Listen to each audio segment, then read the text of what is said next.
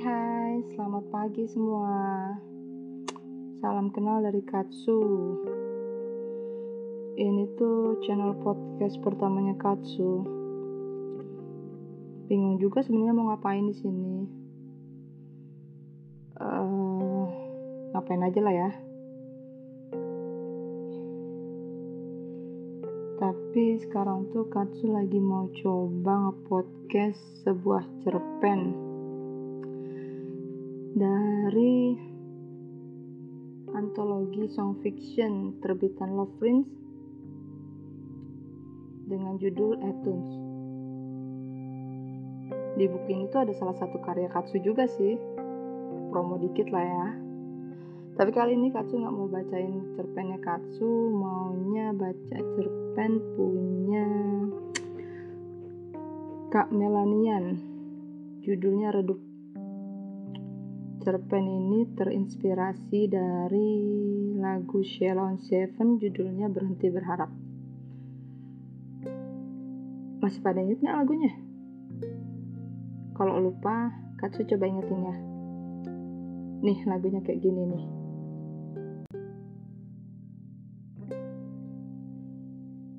Oke, udah cukup segitu aja kali ya. Ingetin lagunya. Sekarang Katsu mau coba langsung ke intinya aja ya. Song fiction dengan judul Redup karya Melanie Yan.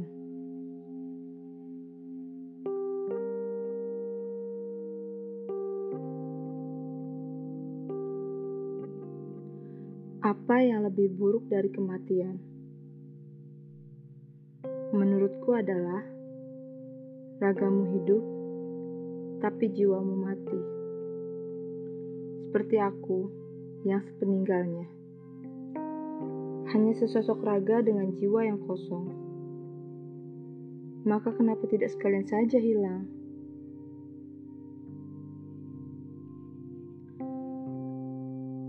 Hari ini aku bangun dari tidur dengan rasa sakit yang teramat sangat.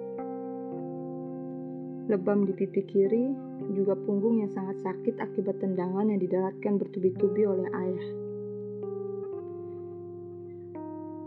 Nyatanya, tak sembuh hanya dengan dikompres.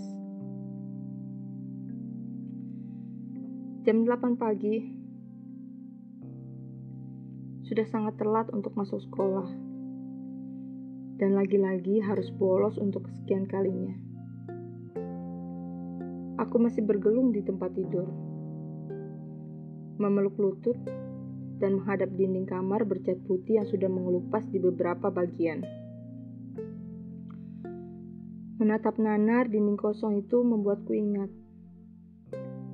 Dulu, aku dan ayah yang mengecatnya bersama saat pertama kali pindah ke sini. Naik ke pundak ayah sini. Saat itu dia tertawa lebar ketika aku bisa naik ke pundaknya dengan sekali loncat. Ma, lihat. Devon sudah tinggi, bisa ngecat kamar. Wah, hebat nih anak mama. Mama mengacungkan jempol dan kembali merapikan perabotan. Ayah memutar lagu Yesterday dari band The Beatles dari ponselnya. Sambil mengecat, kami bersenandung. Dan sesekali ayah menertawaiku karena aku salah mengucapkan liriknya. Kata ayah, itu lagu kesukaannya. Dan pada akhirnya, menjadi lagu kesukaanku. Saat itu dia adalah ayah yang selalu menjadi tempatku bermuara dari segala permasalahan. Saat aku sedih lantaran kalah bermain sepak bola. Saat aku sedih karena nilai pelajaran seniku jelek. Ayah selalu menghiburku dan berkata, Dikit-dikit sedih, dikit-dikit sedih, sedih kok dikit. Yang banyak dong. Sambil memperlihatkan wajah lucu. Detik kemudian, aku akan langsung tertawa dan seketika lupa dengan kesedihanku. Ya, hanya saat itu saja. Sebab saat ini, Satu kesalahan sepele saja bisa menjadi penyebab amarahnya. Sekarang, ayah sudah mengubah segalanya. Bukan hanya dirinya, tapi juga diriku. Juga pandanganku terhadap sosoknya. Seperti pandanganku terhadap dinding kamar bercat putih itu. Kini aku benci.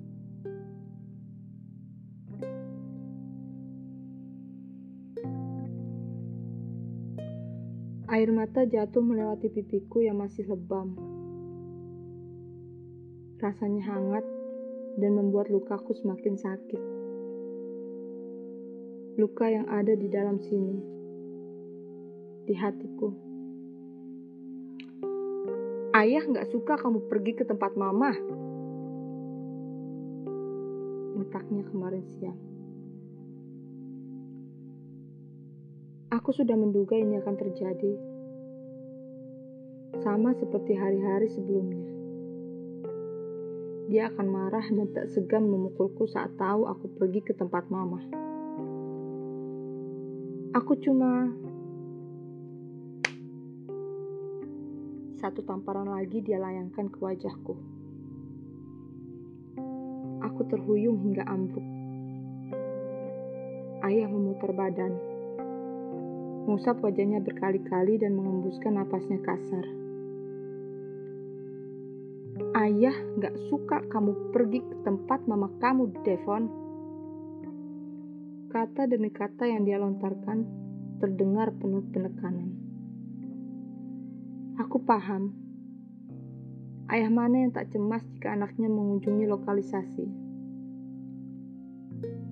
Aku kangen mama ya. Ayah nggak bisa larang aku ketemu mama. Aku hancur. Aku, anak lelaki berumur 17 tahun yang menangis terisak di depan ayahnya. Sungguh tidak jantan. Namun, kerinduanku pada mama meluruhkan segalanya. Kulihat mimik wajah ayah berubah. Mendung turun di wajahnya yang kian senja. Kemudian berubah lagi. Disusul beberapa kali tendangan yang didaratkan di punggungku. Lalu setelah itu dia pergi meninggalkanku yang tersungkur kesakitan sakit yang teramat sangat, yang tidak bisa terlupa dan hilang dalam satu malam. Aku ingin tidur lagi.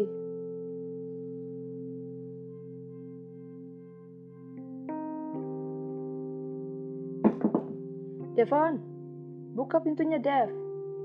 Devon. Aku melepas headset yang tengah memutar lagu Avenged Sevenfold. Teriakan ayah di luar kamar lebih memekakan telinga daripada suara musik yang kuputar dengan volume penuh. Kenapa ya? Aku melongokkan kepala. Ayah berdiri sambil menenteng sebuah plastik. Makan dulu. Udah sore. Tadi wali kelas kamu nelpon ayah. Ayah bilang kamu sakit ujarnya sambil berlalu setelah menyerahkan bungkus nasi yang kuterima dengan terpaksa. Kututup kembali pintu, meletakkan nasi bungkus di atas laci, kemudian mengempaskan tubuh di atas kasur. Aku memang sakit, dan ayahlah penyebabnya.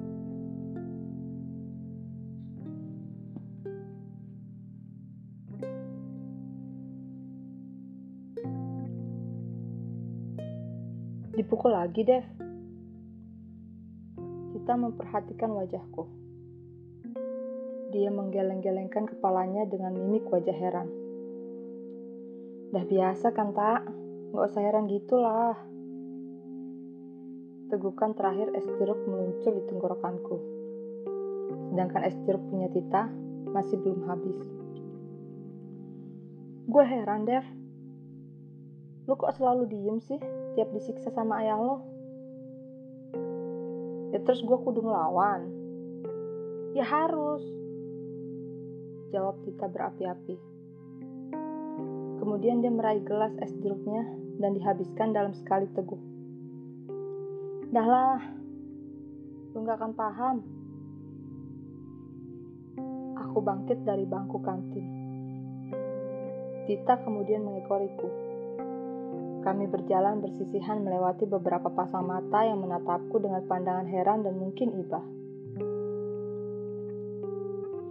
Meski sudah memberi alasan palsu bahwa wajahku kena tinju karena melawan saat akan dipalak, kepala sekolah tetap tak menerimanya.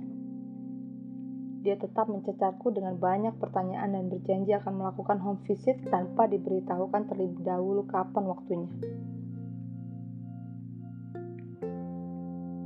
Di sekolah, kasakusuk tentangku yang dia labeli anak PSK pun bukan tidak aku tahu. Aku hanya berusaha menutup mata dan telinga dari semua itu. Itulah sebabnya, selama dua tahun bersekolah di SMA ini, hanya Tita teman yang aku punya. Selain karena sifat introvert yang membuat sekat di antara teman-teman, juga karena mereka tak ingin dekat-dekat dengan anak yang jarak masuk sekolah dan sering kali datang ke sekolah dalam keadaan wajah memar dan babak belur. Mereka mengira aku anak bandel yang hobi berkelahi. Di tahun pertama SMA, saat masa orientasi peserta didik, pagi itu aku datang terlambat dengan luka di pelipis kanan karena malamnya aku terbentur sudut laci saat berusaha menyelamatkan mama dari pukulan ayah yang sedang kumat. Tita yang saat itu berdiri satu barisan denganku karena sama-sama datang terlambat, mendekatiku ketika hukuman kami selesai. Gue Tita. Titania Widatmoko. Nama lu siapa? Dia mengulurkan tangan. Aku ragu-ragu menyambut salam perkenalan darinya. Aku kikuk dan rasanya canggung sekali karena seorang gadis mengajak berkenalan lebih dulu. Devon doang. Hah? Nama lu Devon doang. Tita memicingkan matanya. Oh, Devon Megantara.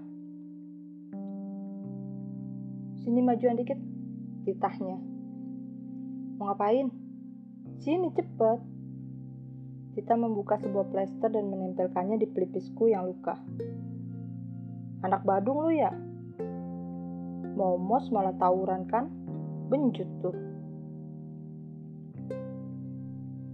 Sejak hari itu, Tita hadir bak cahaya matahari yang masuk menelusup ke dalam hidupku yang selalu gelap. Tita, yang saat ini berjalan di sampingku dan menghalau sekian pasang mata yang memandangku dengan tatapan aneh. Angkot yang kami tumpangi berhenti di sebuah gang kecil dengan kerlip lampu warna-warni. Kami turun kemudian membayar ongkos. Jangan mau kalau nggak pakai kondom, Neng. Kata sopir angkot sesaat sebelum angkotnya berlalu. Aku dan Tita saling pandang. Tita memalingkan wajahnya jengah. Udah yuk, kami menyusuri gang yang di sisi kanan dan kirinya terdapat petak-petak rumah kecil. Juga lampu kerlap-kerlip. Alunan lagu house music dengan volume kencang. Asap rokok yang langsung mengenai wajah saat kami lewat. Juga perempuan-perempuan berpakaian minim. Beberapa gadis yang kami lewati di antaranya ada yang menggodaku sambil menyebutkan tarifnya hingga akhirnya kami tiba hampir di ujung gang. Di sebuah rumah petak bercat ungu yang pintunya tertutup. Aku berdiri, berdiri mematung cukup lama. Tita menggibas-gibaskan tangannya di depan wajahku.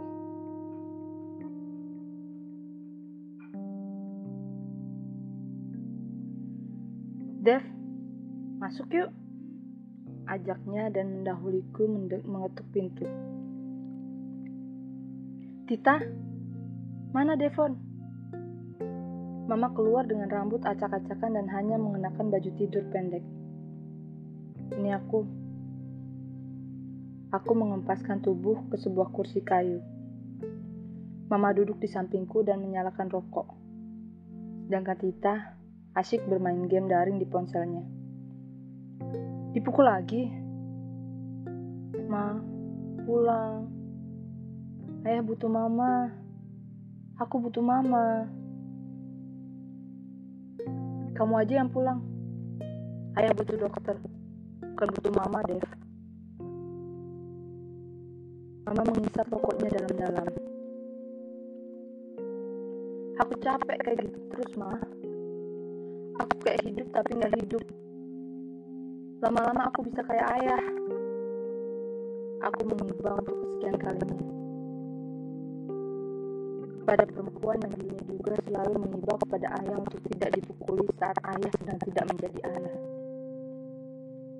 Dev, mama sayang kamu, mama sayang ayah, tapi mama nggak bisa, mama nggak ngerti, mama bukan dokter. Mama mematikan rokoknya. Mata kami beradu ada kaca-kaca di kubil coklat itu yang sekian lama bertahan hingga akhirnya pecah dan mengalir di kedua pipinya. Ma, pulang deh. Mama memalingkan wajah, menyembunyikan tangisnya. Ma, please. Tita, ajak Devon pulang. Hari ini aku kalah lagi. Mama masuk sambil membanting pintu. Isak tangisnya sangat jelas ku dengar. Aku duduk bersandar di pintu itu. Aku dan Mama saling mengunggungnya dengan pintu sebagai penyekat di antara kami. Aku sadar, Mama tidak akan pernah kembali.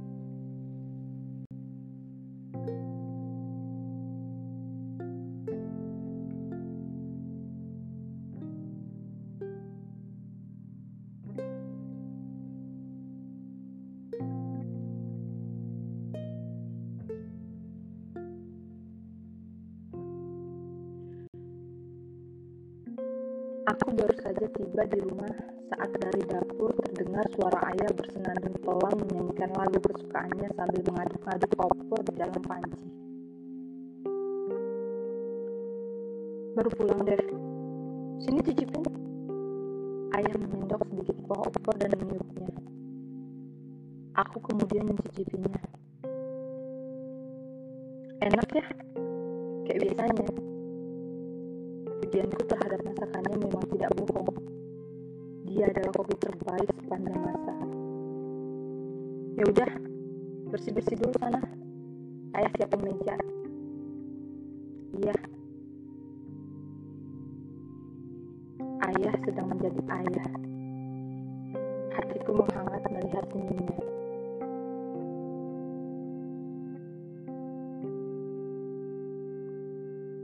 Aku selalu berpikir bahwa Tuhan tidak pernah berlaku adil padaku.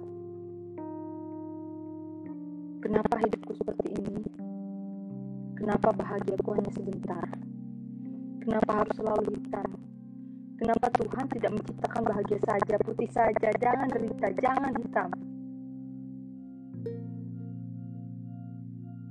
Mama selalu berkata bahwa ayah butuh dokter.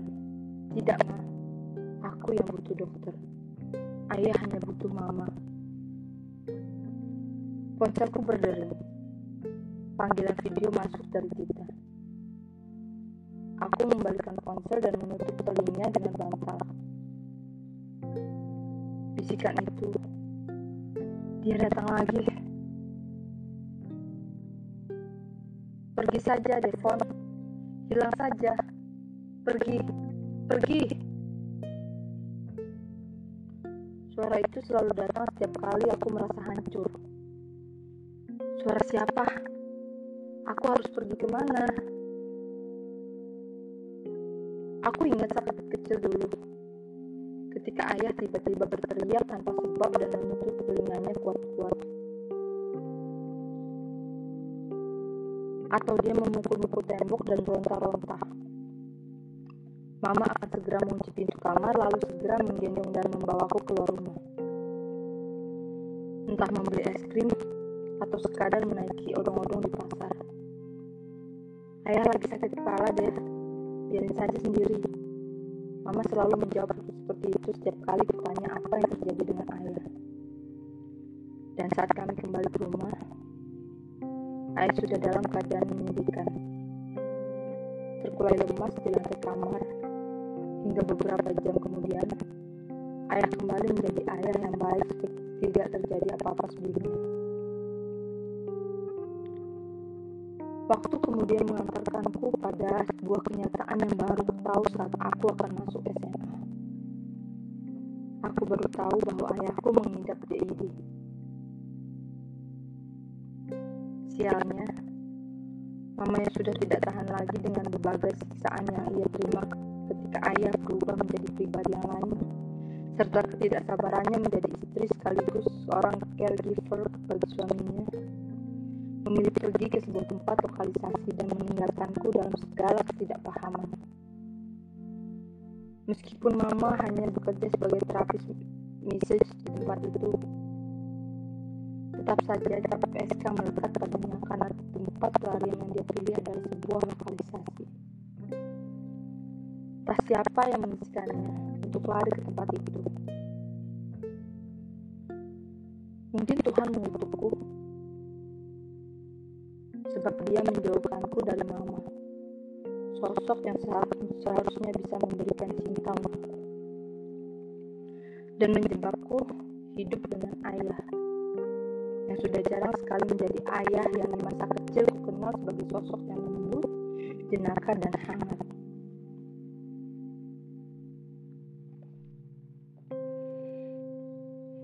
Pergi saja, Devon. Pergi. Tidak ada harapan. Tidak ada.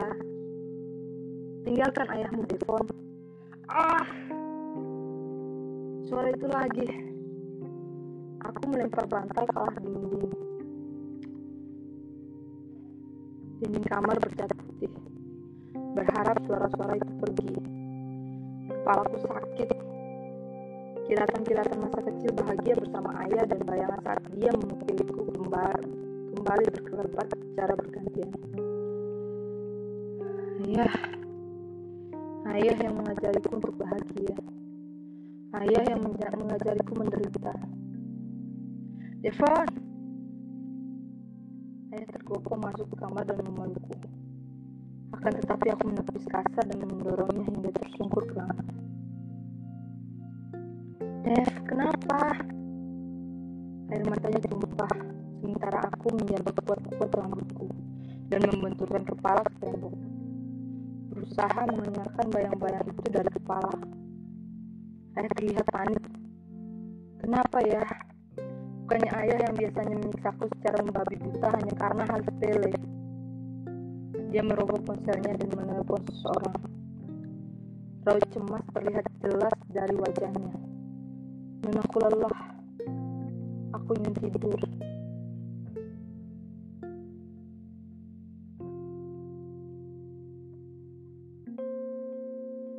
Dev, udah bangun. Lama-lama aku lihat wajah Tita. Tadi pun nelfon sambil nangis. Katanya lu teriak-teriak gak jelas dan dorong dia kasar banget. Terus aku langsung sini deh. Eh, lu udah tidur saking capeknya.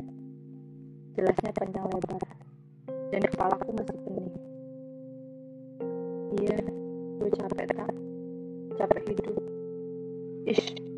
kalau ngomong tuh ya lu nggak tahu kan tak rasanya ngejalanin hari-hari sama orang yang sayang tapi nggak lu kenal.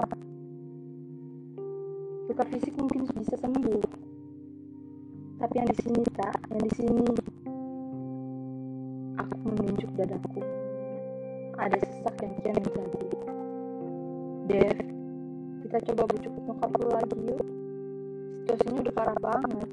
Lu nggak bisa terus-terusan kayak gini bokap lu butuh penanganan dan dan gue juga gue juga tak Tita memelukku. Aku merasakan air matanya merembes ke kaos yang kukenakan. Kami berdua menangis. Perlahan aku melepas pelukannya dari Tita. Sebagai laki-laki, aku memang terlampau cengeng. Keadaan yang membuatku menjadi seperti itu. Aku depresi dan sudah kehilangan harapan. Tak, maafin gue ya. Aku menusukkan pisau kecil ke dadaku yang sebelumnya kuletakkan di bawah bantal. Cerita kita masih sempat kudengar sebelum semua berubah menjadi gelap.